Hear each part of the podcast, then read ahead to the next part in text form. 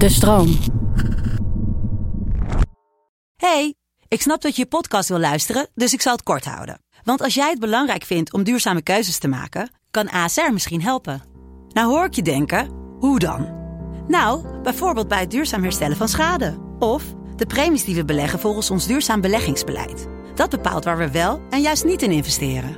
Wil je meer weten over welke duurzame keuzes ASR maakt? Ga dan naar asr.nl slash duurzame keuzes. ASR doet het. Zo, dan kan je nu lekker naar je podcast luisteren. Hey, ik snap dat je je podcast wil luisteren, dus ik zal het kort houden. Want als jij het belangrijk vindt om duurzame keuzes te maken, kan ASR misschien helpen. Nou hoor ik je denken, hoe dan? Nou, bijvoorbeeld bij het duurzaam herstellen van schade. Of de premies die we beleggen volgens ons duurzaam beleggingsbeleid. Dat bepaalt waar we wel en juist niet in investeren. Wil je meer weten over welke duurzame keuzes ASR maakt? Ga dan naar asr.nl slash duurzame keuzes. ASR doet het. Zo, dan kan je nu lekker naar je podcast luisteren. Uh, en nu Bert, hoe gaan we die donkere energie vinden? Of hoe gaan we daar iets meer van weten dan niks? Eerlijk gezegd weet ik dat ook niet.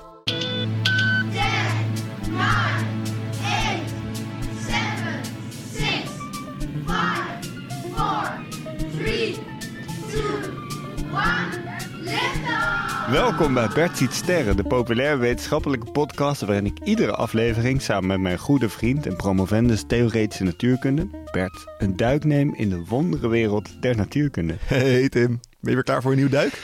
Ja, want vorige aflevering hebben we het natuurlijk gehad over eh, de oerknal en dat er een moment komt waarop uh, onze natuurkundewetten niet meer begrijpen wat er gebeurt. Wat heel vlak na de, ongelooflijk vlak na de oerknal was. Maar dat was de vorige aflevering, Tim. Dus dat, uh, ga, wil, je, wil je het nog weer, wil je er weer over hebben? Ja, we het nee. Maar wat ik dacht, we gingen toen terug in de tijd. Mm -hmm. Ja. En nu zou ik graag de andere kant op willen. Uh, je wil de toekomst gaan voorspellen? Ja, maar dan uh, niet met rozenblaadjes en theeprut. Nee? Maar meer gewoon... Je bent niet van de waarzeggers. Jawel, als het gaat om mijn, uh, mijn liefdesgeluk en waar ik in moet investeren. Mag, mag je handen zien? En, uh, Oeh. Ja, korte levenslijn. Hè? Ja, poeh. Maar wel een hele diepe. Een hele diepe, korte levenslijn. Tim leeft het leven met volle teugen en uh, voor het heet voorbij. Nou ja, ik zeg altijd liever te dik in de kist. Dan een feestje gemist, zo is maar net. Maar goed, vorige aflevering kwam jij ermee dat je dus met de natuurwetten, zoals die er zijn, Mhm. mm -hmm. kunt terugrekenen hoe het heelal zich ontwikkeld heeft. Dus ik denk dat je diezelfde natuurwetten kunt gebruiken om vooruit te rekenen in nou, de tijd. Dat is natuurlijk wat natuurkundigen altijd proberen. Dus het idee is dat je dingen kan voorspellen. Ja, maar dat is ook gewoon altijd wel lastig. Je hebt een quote van de beroemde Deense natuurkundige Niels Bohr. Prediction is hard. Especially about the future. Waarmee die bedoelt, um, het is vaak makkelijk om, makkelijker om de dingen die er gebeurd zijn in een model te vatten. Dan om een model te vatten wat ook zeg maar toekomstige uh, gebeurtenissen en, en uitkomsten gaat uh, goed voorspeld. Als je hem toch even hebben. logisch op zijn plek willen zetten dat met prediction is hard, is alles wel gezegd in de tweeledige uitspraak. Uh, ja, maar het is gewoon een leuke extra, extra geintje erbij. Niels boring. Het is maar goed dat hij geen stand-up comedian is. Hey, hey, hey, als, de, als, de, als er Deense luisteraars zijn, Tim, dan uh, is daar nog steeds wel echt een legende. Ja, wel her, maar niet excuus. Oké, maar goed. De toekomst van het heelal vind ik prima om het over te hebben. Laten we dan wel even eerst stilstaan bij wat is de toestand van het heelal Eén grote tyfuszooi. Klimaat warmt op, sociale ongelijkheid, ja. mensen in allerlei hokjes um, die zich niet thuis voelen. Ja, dat is inderdaad waar. Maar... Uh, dat is heel beperkt, hè? Nou ja, dat is misschien wel belangrijker nog dan, dan de natuurkundige kant ervan. Maar die is ook belangrijk. Dus in het, uh, zeg maar, in onze natuurkundige kennis zitten we 13,8 miljard jaar na de oerknal. En hebben we een prachtig standaardmodel van de kosmologie, genaamd Lambda CDM. Hoe ga jij met je Grieks tegenwoordig? Uh, nou, niet slechter dan toen ik dat nog dagelijks of wekelijks had. Kijk, nou, mooi zo. Uh, de lambda is in de hoofdletter L in het Grieks. lambda CDM Uh, en dat is het standaard idee van hoe we nu dan uh, ons heelal uh, begrijpen in de kosmologie. En wat het heelal dus beschrijft, is hoe het heelal is uitgeleid sinds het begin. Behalve dan het allereerste begin, waar we dus vorige aflevering over hadden. en daarnaast beschrijft dit model hoe het spul, de materie, over het heelal is verdeeld. en met dat mooie lambda-CDM-model kunnen we dus beschrijven hoe de kosmische achtergrondstraling eruit ziet. Hoe sterrenstelsels door het heelal zijn verspreid. Hoeveel waterstof en helium en lithium, al die lichte atomen, hoeveel die allemaal gevormd zijn uh, in het begin van het heelal. En ook hoe het heelal nu uitdijt. En voor jouw vraag, waar gaat het dan heen? Is vooral dus de lambda van belang. En die heeft te maken met hoe het heelal uitdijt. Uh, CDM staat overigens voor Cold Dark Matter, oftewel koude donkere materie. Um, Dat komt ja, koud omdat hij niet zo warm is, want hij beweegt gewoon niet zo snel. Ehm, en daar hebben we het wel een keer over gehad. Als je eens gaat kijken naar wat er in het universum is, heb je een kwart van de massa en de energie in het heelal is die donkere materie waarvan we niet weten wat die is. Dan heb je iets minder dan 5%, dat is de normale materie. Dus dan heb je dus zeg maar dingen die we wel kennen, namelijk waar wij uit zijn opgebouwd en de atomen en dergelijke die we waarnemen. Eh, en dan heb je nog iets meer dan twee derde van de taart, namelijk 68%, die we ook niet kennen. Die ook nog in het universum soort van de massa, de energie eh, bepaalt. En waar, want we weten niet wat donkere materie is, hè? Nee. Waarom, zeg je dan, waarom maak je dan onderscheid tussen eh, donkere materie en bekende materie en dan nog andere dingen die we ook niet kennen? Nou- waarom is dat niet ook donkere materie? Dat vind ik dus een heel goed, een hele goede vraag. Ehm, tot ergens, eh, nou, laten we zeggen zo, begin jaren 90, ehm, dacht men dat het heelal niet versneld uitdijt. Dus we hebben nogmaals, het heelal wordt steeds groter. Maar vroeger dacht men dat het heelal steeds langzamer zou uitdijden en uiteindelijk in een on- onbepaalde toekomsttijd, soort van dan dus oneindig langzaam zou gaan uitdijen. En dat kan je prima beschrijven met alleen maar die donkere materie, de eigenschappen die die donkere materie heeft, die we dus nog niet kennen. Maar toen ehm, werden er nieuwe metingen gedaan. Eh, onder andere aan supernova's aan de randen van het sterrenstelsel. Dus dat zijn grote exploderende sterren die eh, heel veel licht uitzenden. En door nauwkeurig te meten hoe die helderheid van het licht zich verhoudt tot hoe dat licht wordt uitgerekt, omdat het van ons afbeweegt, kwam men tot de conclusie dat het in principe het heelal sneller, eh, aan het, steeds sneller ging uitdijen. En dat kan je niet alleen maar verklaren met die donkere materie. Dus dan is er nog een extra eh, component in het leven geroepen, namelijk Maar- de maar waarom- donkere energie. Maar waarom ehm, zou het niet een onbekende eigenschap van de donkere materie kunnen zijn? Want we kennen die helemaal niet, toch? Nee, maar we weten wel waar die donkere materie zo ongeveer moet zitten. En dit was iets wat, om deze uitdaging te kunnen verklaren, hadden we iets dat over de hele ruimte verspreid zou moeten zijn. En niet alleen maar op plekken waar we weten dat er donkere materie zoek is. Ja, het, wordt, het is inderdaad nog wel een zoekplaatje aan het worden. Eh, dus je weet op bepaalde plekken kan je, kan je concluderen dat er, een, dat er massa mist. In, in sterrenstelsels bijvoorbeeld. Dat is een donkere materie. En daarnaast moet er iets zijn wat ook nog die versnelde uitdijing van het heelal in zijn geheel eh, drijft. En dat kan dus niet die donkere materie zijn, want dit is iets wat overal zit. Wat is het dan wel? Ja, dat is een goede vraag. Daar weten we dus eigenlijk nog minder van dan van donkere materie. Het is in ieder geval dus niet iets dat we kunnen zien. Nou, dat is in ieder geval al mooi meegenomen. Het heeft ook echt heel erg weinig massa. Eh, en het is heel gelijk verdeeld door het heelal. Dus eh, ja, ik weet niet. Kan je je iets voorstellen bij iets wat je dus niet ziet? Wat wel overal is. Wat op grote schaal wel echt een enorm effect heeft. Maar, maar ja, op, op kleine schaal niet. Of op, gewoon op dagelijkse schaal niet echt merkbaar. God. Eh, ja, maar daarvan weten we niet. Weten we, weet, eh, weet je- Wow, wow, wow, wow, wow, wow. Wat wil jij zeggen? dat we daarvan niet zeker weten. Of geen, eh, ja, geen empirisch bewijs hebben wat ondersteunt dat die er is. Terwijl van Oh nee. donkere energie hebben we wel. Oh nee. Nou ja, kom maar op met je bewijs. Het Mariabeeld en de God van Lourdes. Wat Huilen. Ja. Huilen, een beeld, huilen. Hoe dan? God. Ik weet niet eens wat voor, wat voor verhaal het is, joh. Liefde, God. Ja, Maar wat, wat, wat- Dat mannen beter zijn dan vrouwen, God.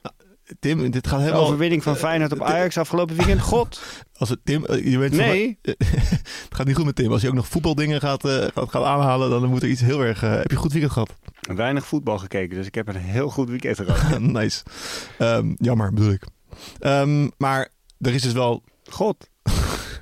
eh, het is dus wel iets ehm verwarrends. Na- donkere energie. Omdat het dus iets moet zijn wat die, uit, die versnelde uitdijing van het heelal bepaalt. Want het is niet iets wat op andere manieren verklaard kan worden. Nou ja, het is zo licht dat je het. Zeg maar, ze heeft zo weinig massa dat je, er niet zomaar, dat je het niet even in een lab gaat vinden. Het wordt gezien als een soort van energie van het vacuüm. Dan weet ik niet of jij nog weet wat het vacuüm is. Eh, lege ruimte. Die dus nu toch niet leeg blijkt te zijn, hoor ik net. Eh, ja, nou ja, klopt. Ehm, Dus, dus ik weet het niet meer. Nee, ja, inderdaad. Dus als je je de kamer hier voorstelt, is het natuurlijk geen lege ruimte. Ten eerste omdat wij erin zitten. Eh, maar ook omdat er zuurstofmoleculen, stikstofmoleculen, Stof, heel veel stof. Het is goor hier, man. precies, allemaal door de ruimte heen dondert. En zodra je buiten de aardatmosfeer komt, dan verdwijnt dat. En dan heb je lege ruimte. Ook daar nooit helemaal lege ruimte. In die zin dat er altijd licht is. En dat er ook altijd wel wat stof en magnetische straling en zo door de, door de ruimte zuist. Maar grotendeels leeg. Dat noemen we een vacuüm. Ja, en het idee is dan dat die donkere materie... eh, donkere materie zeg ik helemaal fout. Het idee is dan dat die... En het idee is dan dat die donkere energie helemaal verspreid is... ehm, zeg maar overal in het vacuüm is. Een soort van vacuüm energie. Maar wat dat precies is, daar hebben, dit is nog steeds een vrij vaag verhaal, vind ik. Dit, dit keer vind ik dat zelf ook. Want het is een soort... Want licht is ook energie, toch? Ja. Dus het is een soort Nou, licht onzichtbaar brengt licht. energie over. Oh, het is niet zelf energie. Nee, nee, nee. En dit is op zichzelf... Is, er een, is, is het vermoeden dat er net als licht een soort fotonen zijn, maar dan onzichtbaar? Nou ja, in, in een soort van algemene zin hebben we natuurlijk de kwantumtheorie die de interacties en dergelijke van deeltjes beschrijft. Eh, en zoals je je misschien nog herinnert, eh, kunnen volgens de kwantumwet dingen nooit volledig op een precieze manier soort van stilstaan. Je hebt altijd fluctuaties en altijd schommelingen op, op microscopische schaal. En dat geldt ook voor het vacuüm. Dus dat, zou, dat is al heel lang een idee dat je deze eh, soort van donkere energie, of daarvoor nog überhaupt wat er dan bepaalde dat het universum uitdijde, dat je dat zou kunnen verklaren door die door kwantumtheorie van stal te halen en te gaan uitrekenen hoeveel energie het vacuüm dan heeft, zodat er altijd een beetje schommelingen zijn. Nou, heb ik nieuws voor je. Physical fun fact. Als je uitrekent hoeveel energie het vacuüm heeft via kwantumfluctuaties, dan kom je op een waarde die minstens 50 orders van grootte, dat is zo'n zes maal achter elkaar vermenigvuldigen met een miljard, afwijkt van wat we meten in het heelal. Dit wordt ook wel de slechtste theoretische voorspelling in de geschiedenis van de natuurkunde genoemd. Eh, dus ja, met kwantumtheorie afleiden wat de donkere energie is, dat is voorlopig nog niet, eh, nog niet echt gelukt. Jij bent ook wel eh, Star Wars fan, toch? Altijd. Is het niet gewoon de dark side en de force die ze daarin gebruiken? Ehm, nou ja, dat zou wel een hoop oplossen. Eh, dus dat, ja, dat zou kunnen. er is energie en je kunt positieve energie aanboren. Ja. En dan eindig je alle, alle zinnen met het werkwoord op het einde.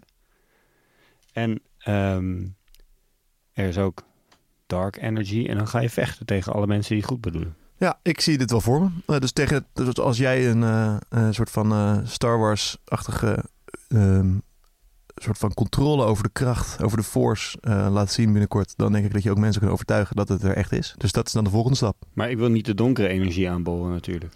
Nee, maar Tim, daar heb je niet voor het kiezen, hè? Ik bedoel, Stay in the light, toch? Wat zeggen ze in die film? fear leads to hate. Hate leads to suffering. Make me one with everything. Eh, maar Tim, ik weet zeker dat als jij één, één, één, één klein, klein stapje op de donkere, aan de donkere kant zet, dan ben je natuurlijk verloren. Dat is wel duidelijk. Dus dan, dan, ga je, dan, dan duik je erin. To differ, I back. Eh, en nu Bert, hoe gaan we die donkere energie vinden? Of hoe gaan we daar iets meer van weten dan niks? Eerlijk gezegd weet ik dat ook niet. Ehm, ik denk wel wederom, dit zijn dus, nogmaals, je hebt 5% bekende materie, dan heb je meer dan een kwart donkere materie en dan nog bij meer dan twee derde donkere energie. Dus we weten wat dat betreft is ons plaatje van de kosmologie niet helemaal af. Ik denk wel dat dat gaat lukken om ergens in de komende, ik hoop dat ik het nog meegemaakt, een nieuw idee te vinden waarmee we dus dat beter kunnen begrijpen. Waarmee we ook die donkere energie kunnen verklaren. Maar wat dat precies gaat zijn, dat is eh, voor mij een vraag op dit moment. En voor veel natuurkundigen trouwens ook. Weten we wel wat de donkere energie voor zeg maar, wat is het effect van de donkere energie? Nou ja, als het zo gaat, maar dan dat hoop, dat nemen we dan dus aan dat die versnelde uitdijing, dus dat steeds sneller groter worden van het heelal, dat door blijft gaan.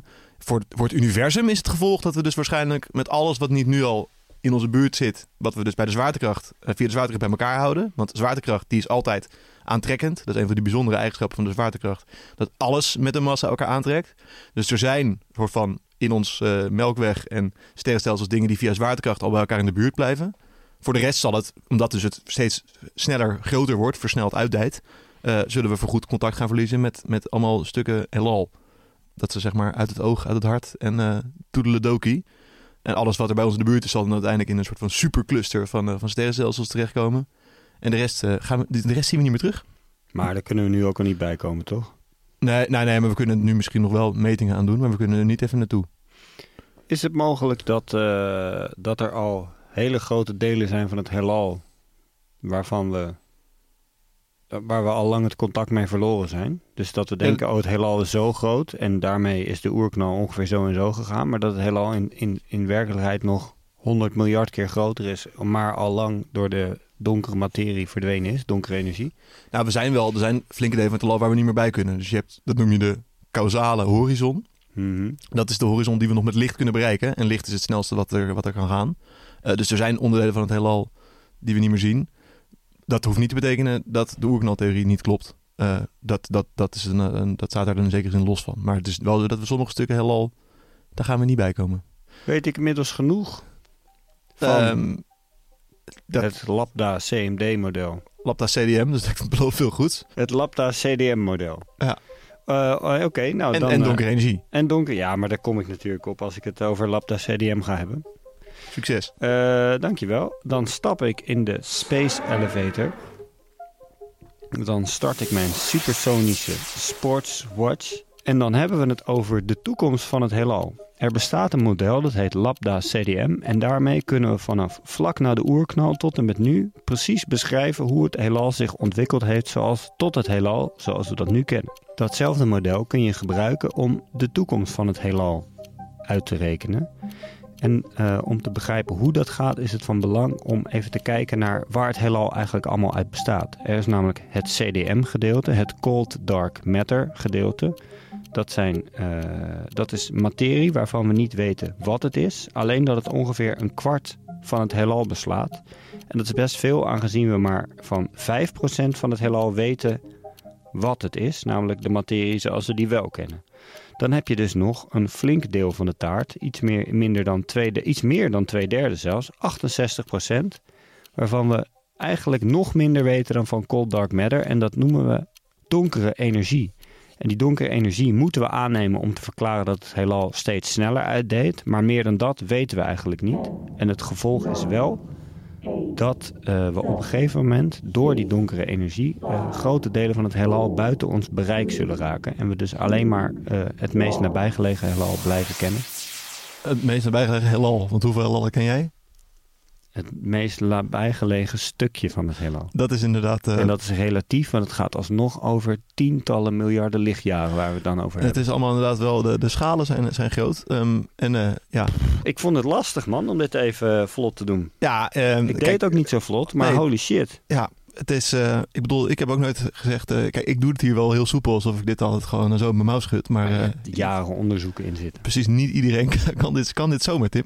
En dat blijkt me weer. Ehm, maar je hebt het goed gedaan, hoor. Maar het belangrijkste om mee te nemen is dus eigenlijk dat van slechts 5% van het heelal hebben we enig idee en, en snappen we een beetje wat het is. En de rest snappen we gewoon niet. En dan heb je materie die we niet begrijpen en een donkere energie waarvan we nog minder Ja. begrijpen. Maar dat is wel dus vooral van belang voor de kosmologie. Dus echt de grote heelal ontwikkelingen. Want op aarde is het wel gewoon die 5% die we wel kennen. Maar in de ruimte waar wij nu zitten, heb je daar donkere energie, denk je? Ja, ja die zal je dan wel hebben. Eh, Als, als het echt iets is wat overal doorheen is. eh. En ook koude donkere materie. nou, dat denk ik niet. Want eh, dat zou wel, die zouden we dan wel moeten zien. Nou, dan was dit Bert Ziet Sterren voor deze week. Wil jij nou voorkomen dat onder invloed van donkere energie onze afleveringen buiten bereik in het universum gaan zweven? Klik dan op volgen in je podcast-app. Dan komen de nieuwe afleveringen vanzelf door je brievenbus. Geef ons dan meteen ook een recensie. Geef Bert ziet sterren. Sterren, ik zeg het elke week, maar het is wel warm. En heb je vragen of wil je zelf een onderwerp aandragen? Mail dan naar bertzietsterren.de-stroom.nl Voor nu, dankjewel voor het luisteren. En tot de volgende ster. Hatsa.